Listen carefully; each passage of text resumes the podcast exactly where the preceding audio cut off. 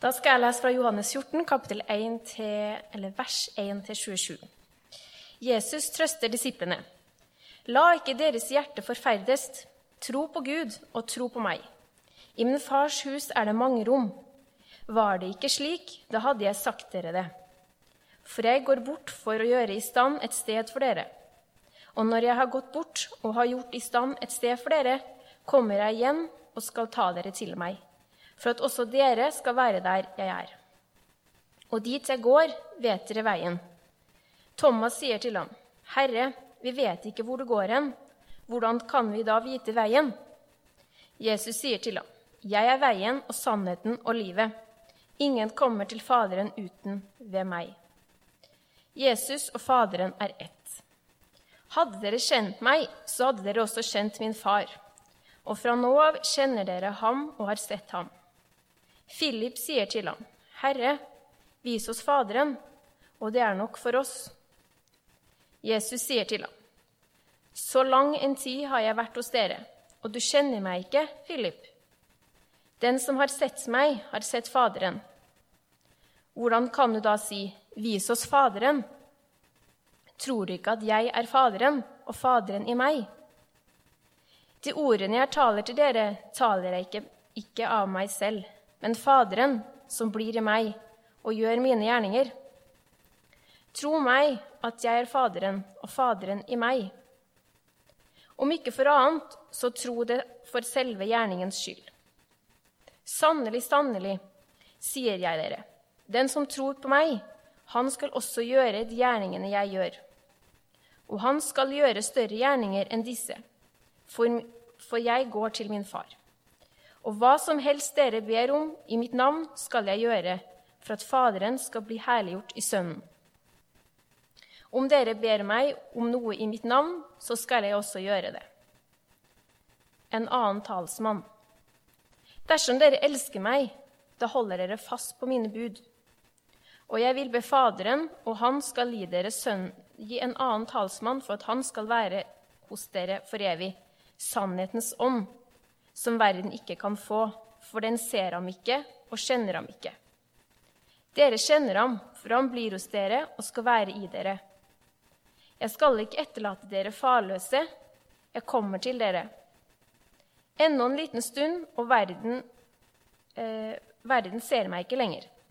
Men dere ser meg, for jeg lever, og dere skal leve. På den dagen skal dere kjenne at jeg er min far, og dere i meg, og jeg i dere. Den som har mine bud og holder fast på dem, han er den som elsker meg. Og den som elsker meg, skal bli elsket av min far. Og jeg skal elske ham og åpenbare meg for ham. Judas, ikke Iskariot, sier til ham, Herre, hva er grunnen til at du vil åpenbare deg for oss? Vi er ikke for verden. Jesus svarte og sa til ham, Om noen elsker meg, da holder han fast på mitt ord, og min far skal elske ham, og vi skal komme til ham og ta bolig hos ham. Den som ikke elsker meg, holder ikke fast på mine ord. Det ordet som dere hører, er ikke mitt, men Faderens, Han som har sendt meg. Dette har jeg talt til dere mens jeg ennå er hos dere. Men talsmannen, Den hellige ånd, som Faderen skal sende i mitt navn, han skal lære dere alle ting og minne dere om alt det som jeg har sagt dere. Fred etterlater jeg dere, min fred gir jeg dere. Ikke om verden gir, gir jeg dere. La ikke deres hjerte forferdes, frykt ikke.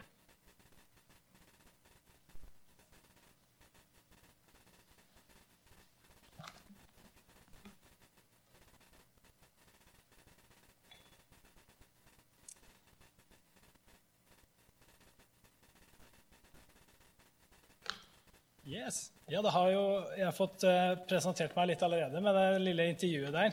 Jeg skal si navnet mitt en gang til, for jeg tror det er en del som uh, ikke har rukket å hilse på ennå. Jeg heter Øyvind Karstad og har vært i denne menigheten her i sånn ca. ti år pluss. Uh, og, og, fått være med som en av lederne ganske mange av de åra. Mm, nå leder jeg blant annet, nå leder jeg en bibelgruppe for, for mannfolk, så beklager til dere andre. Men, eh, det blir jo sagt litt at jeg jobber med musikk til daglig, og så har jeg en, en fin familie, eh, kone som heter Ann Kristin, og to søte, men ganske viltre jenter. Eh, og så har, har, vi vært inne på en av de store interessene mine, som er den boka her, og ikke minst eh, den personen som, eh, som er hovedpersonen i boka. Så har, har jeg interesse for det som handler om eh, teologi, trosforsvar eh, og den slags.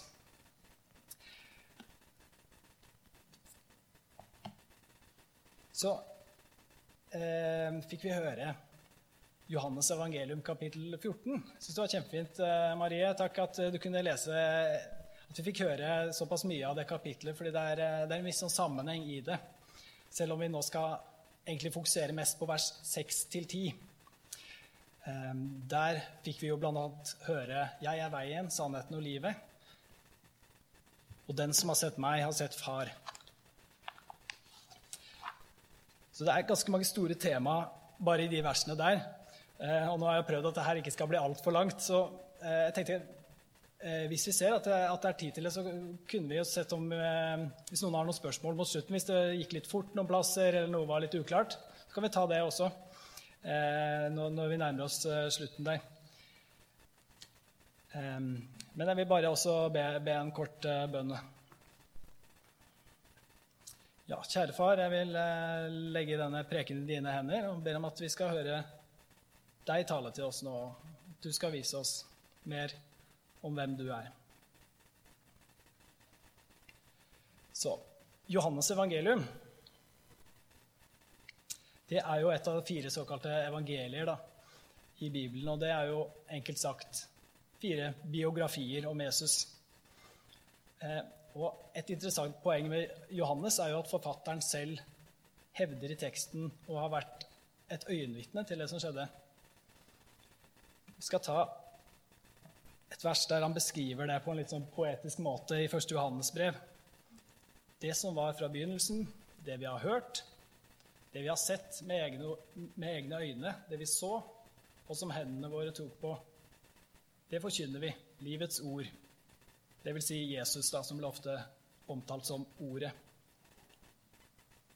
Også i, Johannes evangelium Han som så det, har vitna om det, for at også dere skal tro. Hans vitneutsagn er sant, og han vet at han taler sant. Så her er det ikke mye 'det var en gang for lenge siden i et land langt borte'. Og heller ikke noen som kun har hatt en slags sånn mystisk visjon eller drøm. Men vi var der, vi så ham, vi hørte ham, vi vet at det er sant. Det syns jeg er litt fascinerende å tenke på, da. selv om kristen tro også handler om en åndelig virkelighet så har den sine røtter i historiske, historiske, hendelser, og først og fremst en person, som er Jesus fra Nasaret. Og de klart beste historiske kildene til ham er faktisk samla i boka her, i den delen som heter Det nye testamentet. Så det var litt om Johannes, litt bakgrunnen der. Når det gjelder kapittel 14, som vi hørte, så foregår det kvelden før Jesus blir korsfesta. Og det gjengir sammen med de neste kapitlene egentlig den siste ordentlige samtalen Jesus har med disiplene før han dør. For Jesus visste hva han gikk til, så da er det kanskje ikke så rart at han hadde mye viktig på hjertet akkurat den kvelden.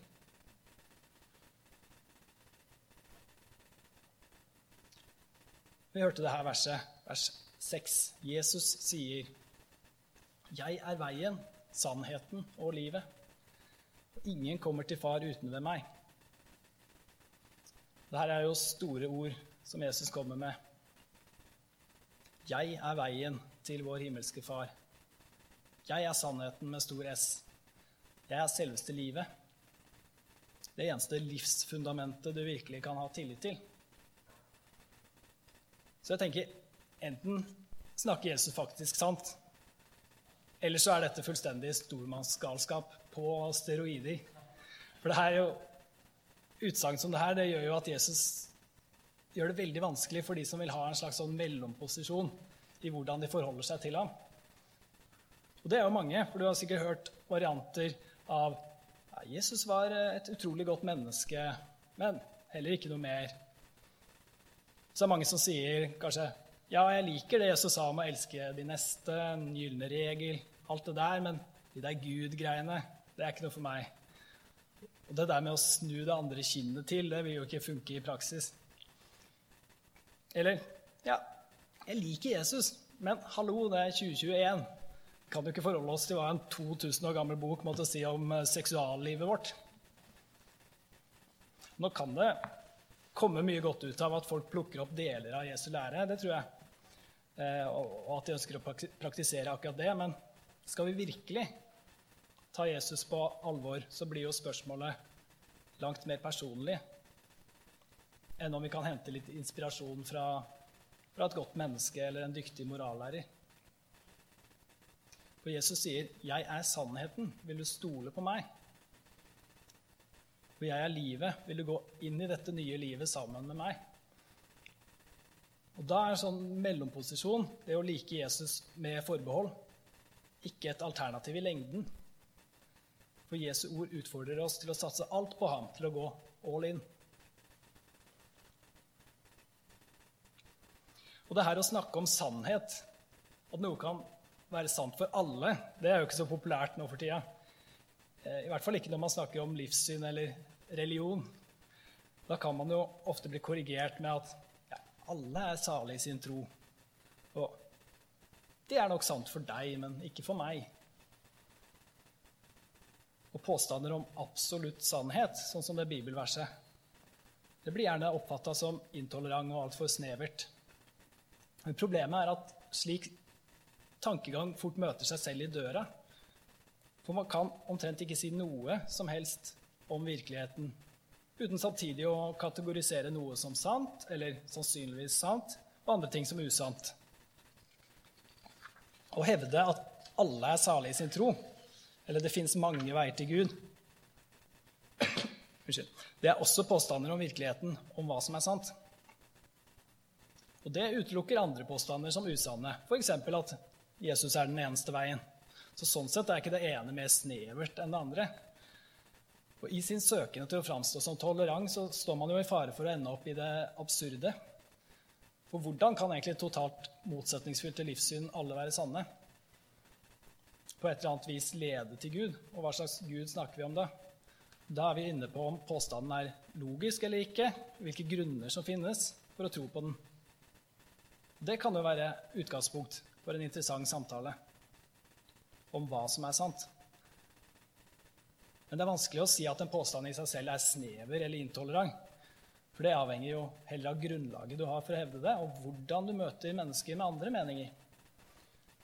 Så havner du i en slik samtale om de store spørsmålene med noen som kanskje ser ting litt annerledes. Så prøv å være oppriktig nysgjerrig, stille gode, åpne spørsmål, virkelig lytte, prøve å forstå den andre. Men så tror jeg samtidig vi kan tørre å si ja, jeg tror dette er sant. Og være åpen for å dele litt om hva som har ført deg i den retningen. Og Kanskje du også har hørt det her hvis Gud finnes, så er det uansett umulig for oss mennesker å vite noe om Gud. Om man ikke sier det rett ut, så er det gjerne, gjerne kanskje underforstått at det er arrogant å påstå noe som helst om Gud. Men Det høres jo kanskje ydmykt og litt sånn flott ut, det. For det, det er jo bare å erkjenne at ingen mennesker kan forstå Gud fullt ut. Det er klart. Men igjen så møter man seg selv litt i døra for påstanden mennesker kan ikke vite noe om Gud. Det er jo i seg selv en påstand om Gud. For det forutsetter at Gud ikke har åpenbart seg for oss mennesker på en måte som vi kan forstå, i hvert fall til en viss grad. Dere henger med på det? Dersom Gud har valgt å åpenbare seg for oss, så kan vi vite noe, på tross av våre begrensninger. Så jeg tenker Det er ikke mer arrogant å tro på dette enn å tro at vi ikke kan vite. Så spørsmålet er jo hva som er sant. For Jesus han sier 'Jeg er sannheten'. Gud har åpenbart seg gjennom meg. Og den store begrunnelsen den får man, den store bekreftelsen, den var like rundt hjørnet. For som jeg var inne på, en dag etter at Jesus sa disse ordene, så var han død. Og etterfølgerne hans de var akkurat så motløse og redde som han hadde sagt de ikke trengte å være. Og selv om Jesus hadde prøvd å forklare disiplene at han skulle dø og deretter stå opp fra de døde, så var de egentlig like sjokkerte som alle andre ville vært da det faktisk skjedde. Da han som noen dager tidligere hadde sagt 'Jeg er livet', overvant døden og bekrefta for fullt at det var mer enn tomme ord. Og gjennom historien har mange fått erfare noe av dette livet med stor L. For den oppstandende Jesus, han fortsetter å forvandle liv, også i dag.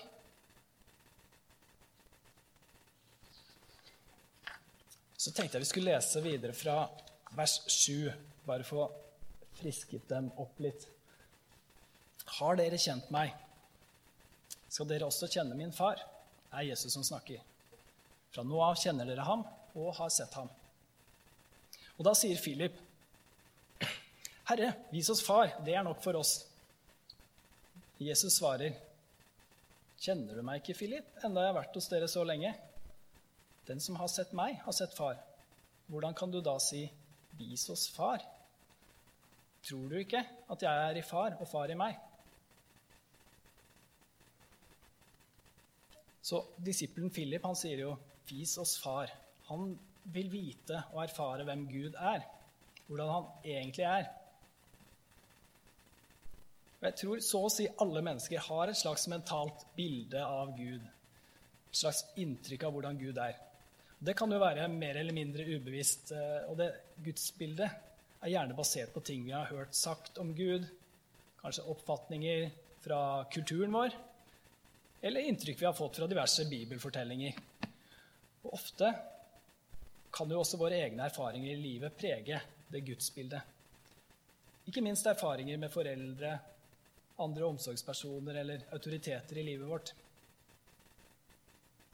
Og kanskje forestiller du deg Gud som eh, den strenge sjefen for ikke å si slavedriveren, som alltid krever mer. Det er aldri bra nok. Det er aldri en opplevelse av å være elsket for den du er. Det handler bare om hva du kan gjøre, hva du kan forbedre. Eller alltid enig med deg, kompis Gud, som backer opp alle meningene du allerede har, støtter deg i alle valgene du tar i livet. Det er fint? Eller en sinna dommer en Gud som er ute etter å ta deg hvis du bryter budene hans.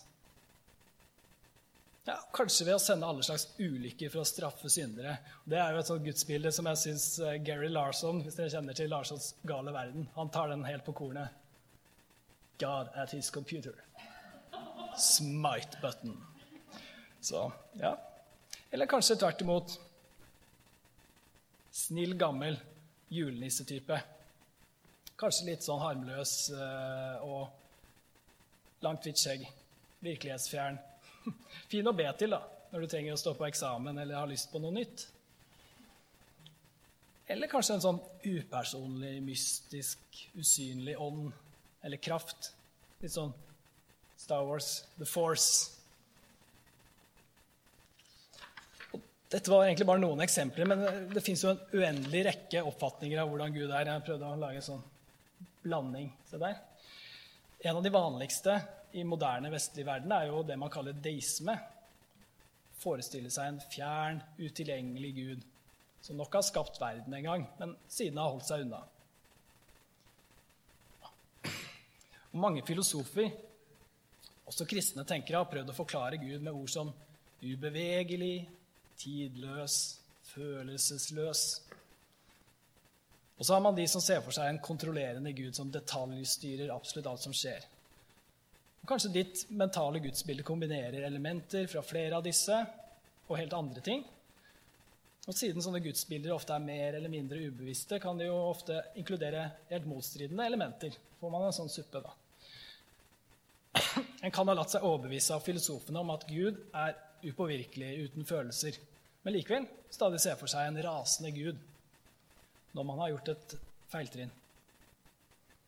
Eller så kan jeg se for meg en Gud som elsker alle, Mm, det vil si alle andre mennesker. For meg kan han umulig elske.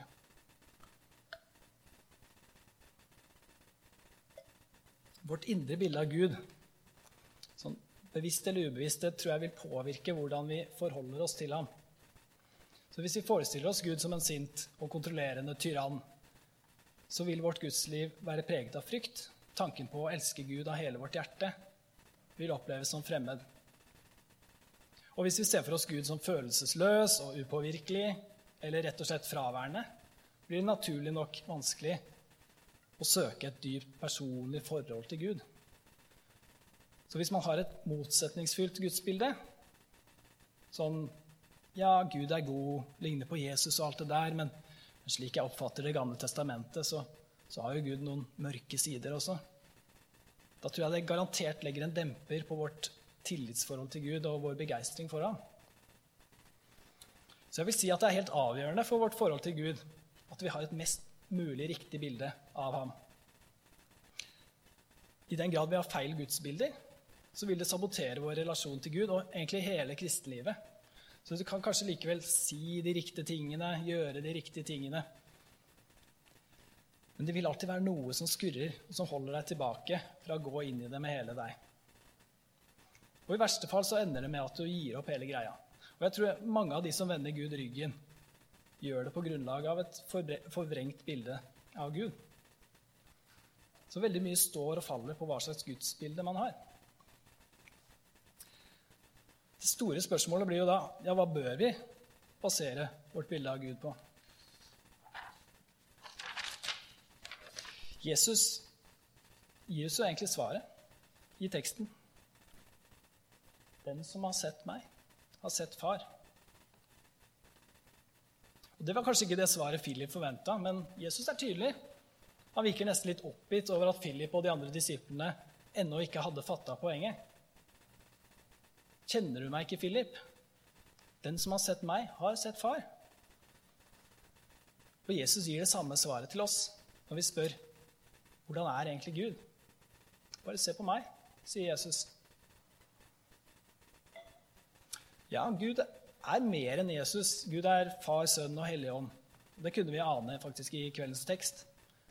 Men det er gjennom Jesus vi kan bli kjent med Gud. Så hvis du vil vite hvordan Gud er, hvis du vil vite hvordan Far i himmelen er, se på meg, sier Jesus. La meg være ditt gudsbilde. Dette radikale budskapet er jo faktisk noe som stadig går igjen i Det nye testamentet. Jeg tror dette er så viktig å få tak på at jeg tror vi skal ta oss tid til å zoome litt ut, og så kan vi se på noen flere av disse tekstene.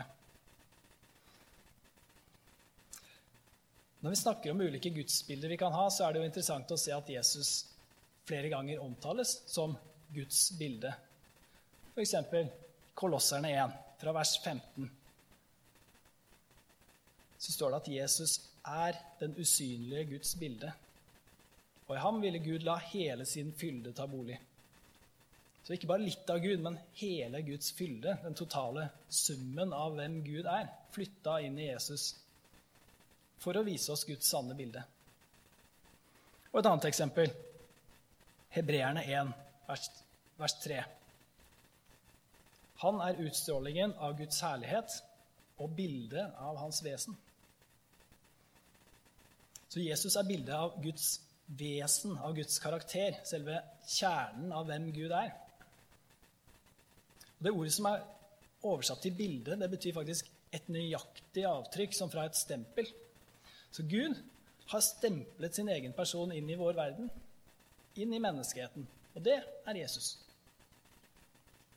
Og oppfordringen til oss blir å la Jesus få korrigere våre mentale gudsbilder, så de baserer seg helt og fullt på ham det nøyaktige og fullstendige bildet av Guds karakter. Og så er det i 1. Johannes brev, der vi finner disse tre berømte ordene som rommer en veldig dybde. Gud er kjærlighet. Og Det som er interessant, er jo at Johannes i forkant har gitt oss definisjonen på denne fullkomne kjærligheten. Hva kjærlighet er, har vi lært av at Jesus ga sitt liv for oss. Kjærlighet er ikke bare noe Gud har. Gud er kjærlighet.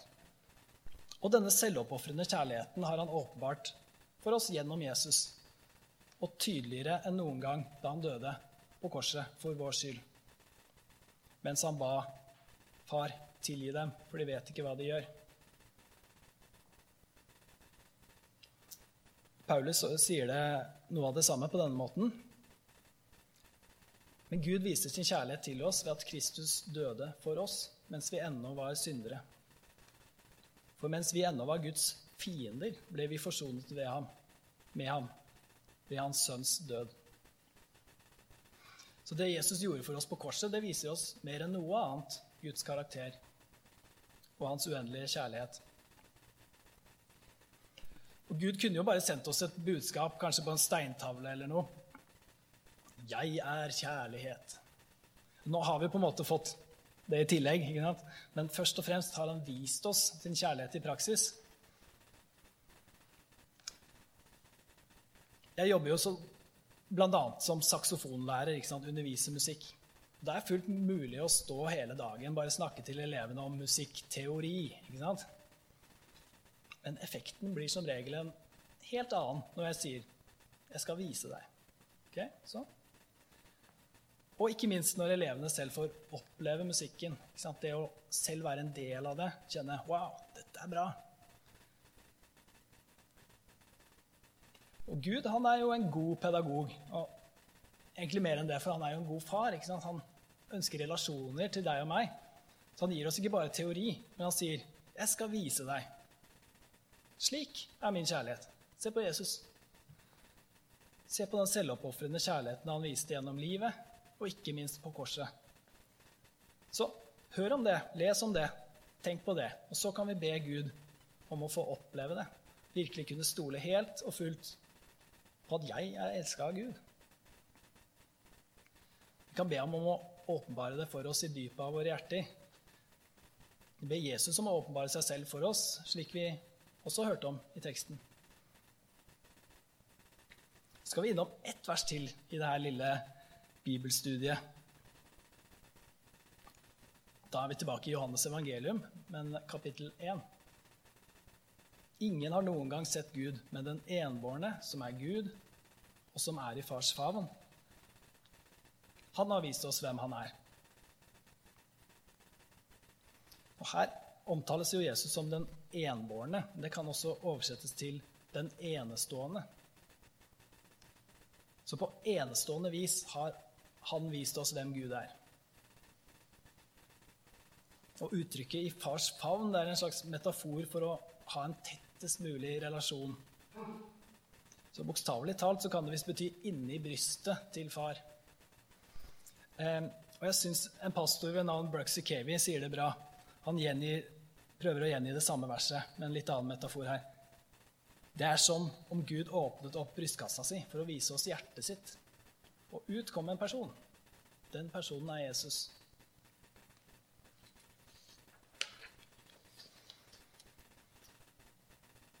Så kan vi legge merke til det er en viss kontrast også i det Johannes sier her. Han setter jo opp en ganske tydelig kontrast til andre åpenbaringer av Gud. For ingen har noen gang sett Gud, sier han. Ikke før nå. Selv om Johannes og Jesus selv tydelig anerkjenner også de jødiske skriftene som vi kaller Det gamle testamentet, som inspirert av Gud så er det som om han ved å sette det helt på spissen han prøver å understreke at selv det beste vi har av tidligere åpenbaringer, det blekner fullstendig i forhold til Jesus når det kommer til å vise oss Guds eget hjerte.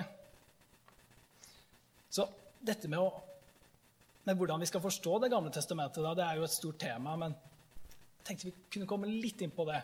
For jeg tror mange kan bli litt forvirra av, av akkurat det.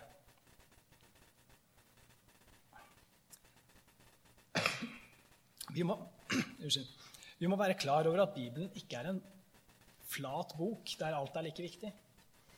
For den kan jo kanskje bedre forstås som en stor fortelling med flere uventede vendinger underveis, og ikke minst mot slutten. Og Jesus og apostlene var tydelige på at de formidler noe som står i kontinuitet med det gamle, men at det også er diskontinuitet på noen områder. Så Der man ser tydelige brudd, det gjelder ofte lovtekstene til det gamle Israel, f.eks. når Jesus tar for seg det gammeltestamentlige prinsippet øye for øye, tann for tann, og så snur han det fullstendig på hodet. Til venn det andre kinnet til. Men så kan man se det bl.a. i Johannes 1, at det kan også være en viss kontrast mellom det nye og det gamle i hvordan Gud framstilles.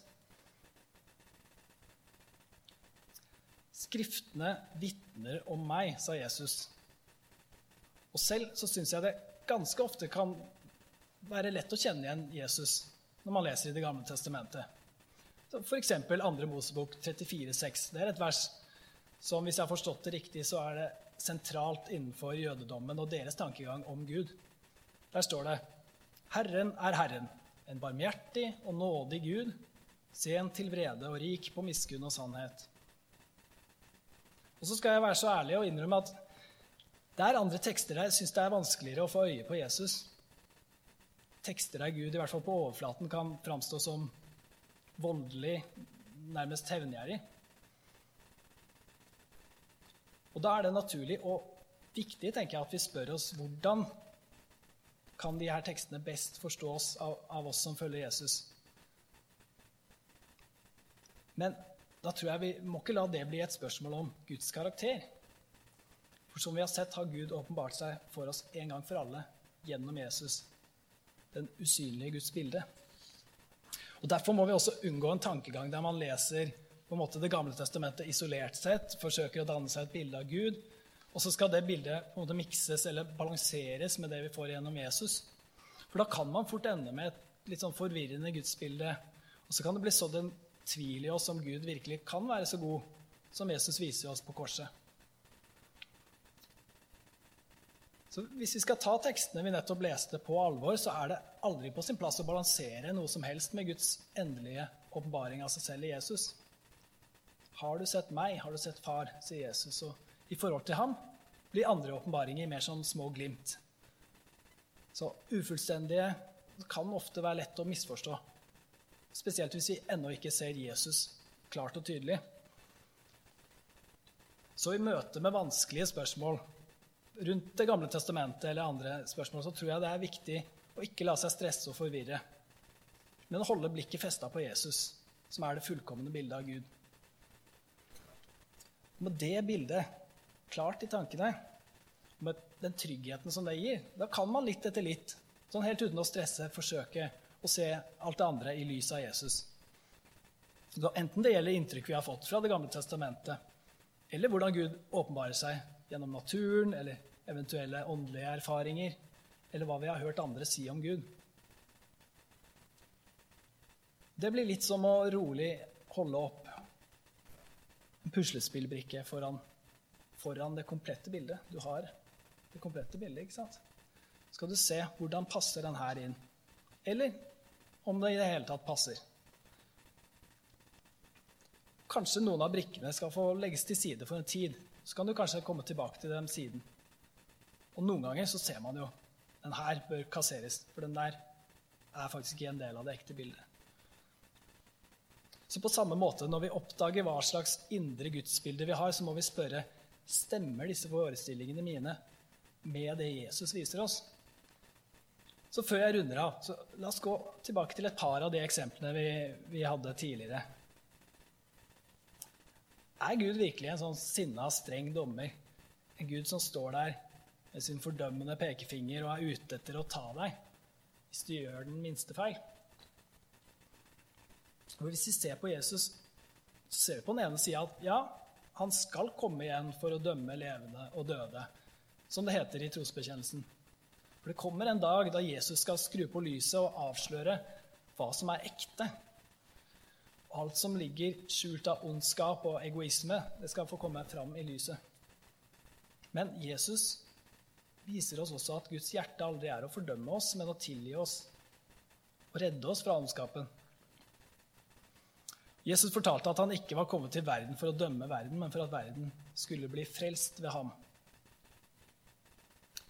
Og Jesus var kjent for å være venn med syndere. Han møtte dem ikke med fordømmelse, men med tilgivelse og kjærlighet. Så noe sant er det kanskje, men du, den blir eksa ut. Og Jesus han viser oss en nåde som ikke alltid sier bare 'fortsett som før', men som noen ganger må si 'det der er ikke bra for, for deg'. Så kom, jeg skal hjelpe deg ut av det der. Og Derfor må vi også korrigere bildet av kompis-Gud, som alltid er enig med, med meg. Ja, Det er noe sant i det også, for Jesus sier jo til disiplene 'Jeg kaller dere venner', og han kaller oss også søsken. Men hvis jeg har et gudsbilde som utelukker all form for rettledning, en Gud som aldri utfordrer meningene mine eller, eller påpeker synd i livet mitt, da er det jo stor fare for at jeg har skapt meg en Gud i mitt eget bilde. For jeg tror ingen av oss egentlig kan lese evangeliene med et åpent hjerte uten å måtte la oss utfordre personlig. Og hva annet kan man vente hvis det faktisk er en levende Gud som står bak? Tror jeg vi ikke burde la oss overraske hvis han noen ganger er litt uenig med oss. Du. Så Det var bare et par eksempler, men slik må vi fortsette å la Jesus gjennomlyse og korrigere våre gudsbilder. Den som har sett meg, har sett far, sier Jesus. Så hvis du vil bli kjent med Gud, skaperen av alle ting, din himmelske far, se på Jesus. Bli kjent med ham. Så har jeg et par sånne konkrete utfordringer helt til slutt. Men tenkte jeg, hvis det er noe av det her som du tenkte der gikk det litt fort, eller var det noe som var litt uklart, så, så kunne det vært eh, ok. Altså Hvis noen har et eh, spørsmål som kunne vært fint å ta, ta sammen. Så må dere også veldig gjerne også komme og snakke med meg i etterkant altså, hvis det var ting.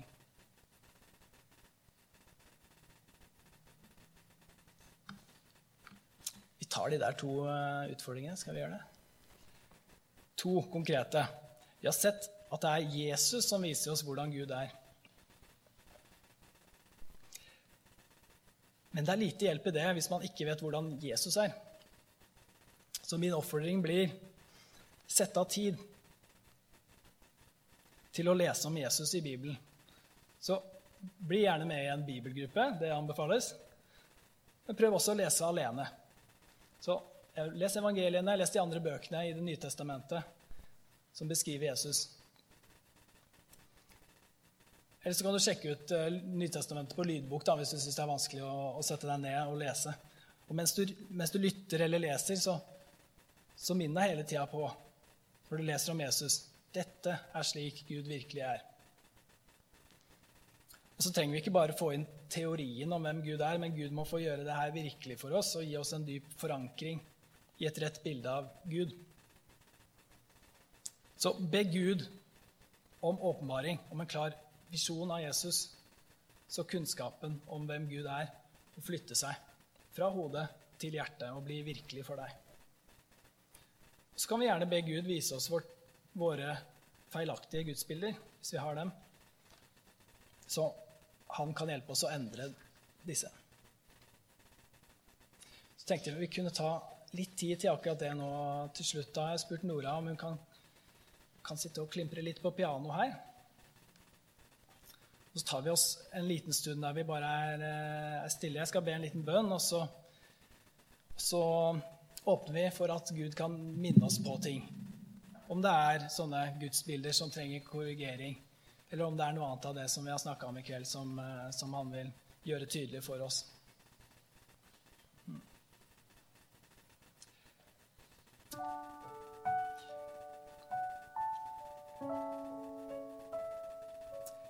Ja, Jesus, jeg vil be deg om at eh, du fra i dag skal starte prosesser i hver enkelt av oss. Hjelpe oss å se dersom vi har feilaktige gudsbilder som ikke er basert på deg.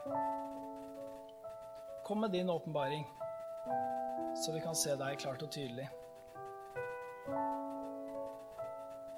Ber om at du skal vise oss Guds hjerte for hver, hver enkelt av oss og for menneskene rundt oss.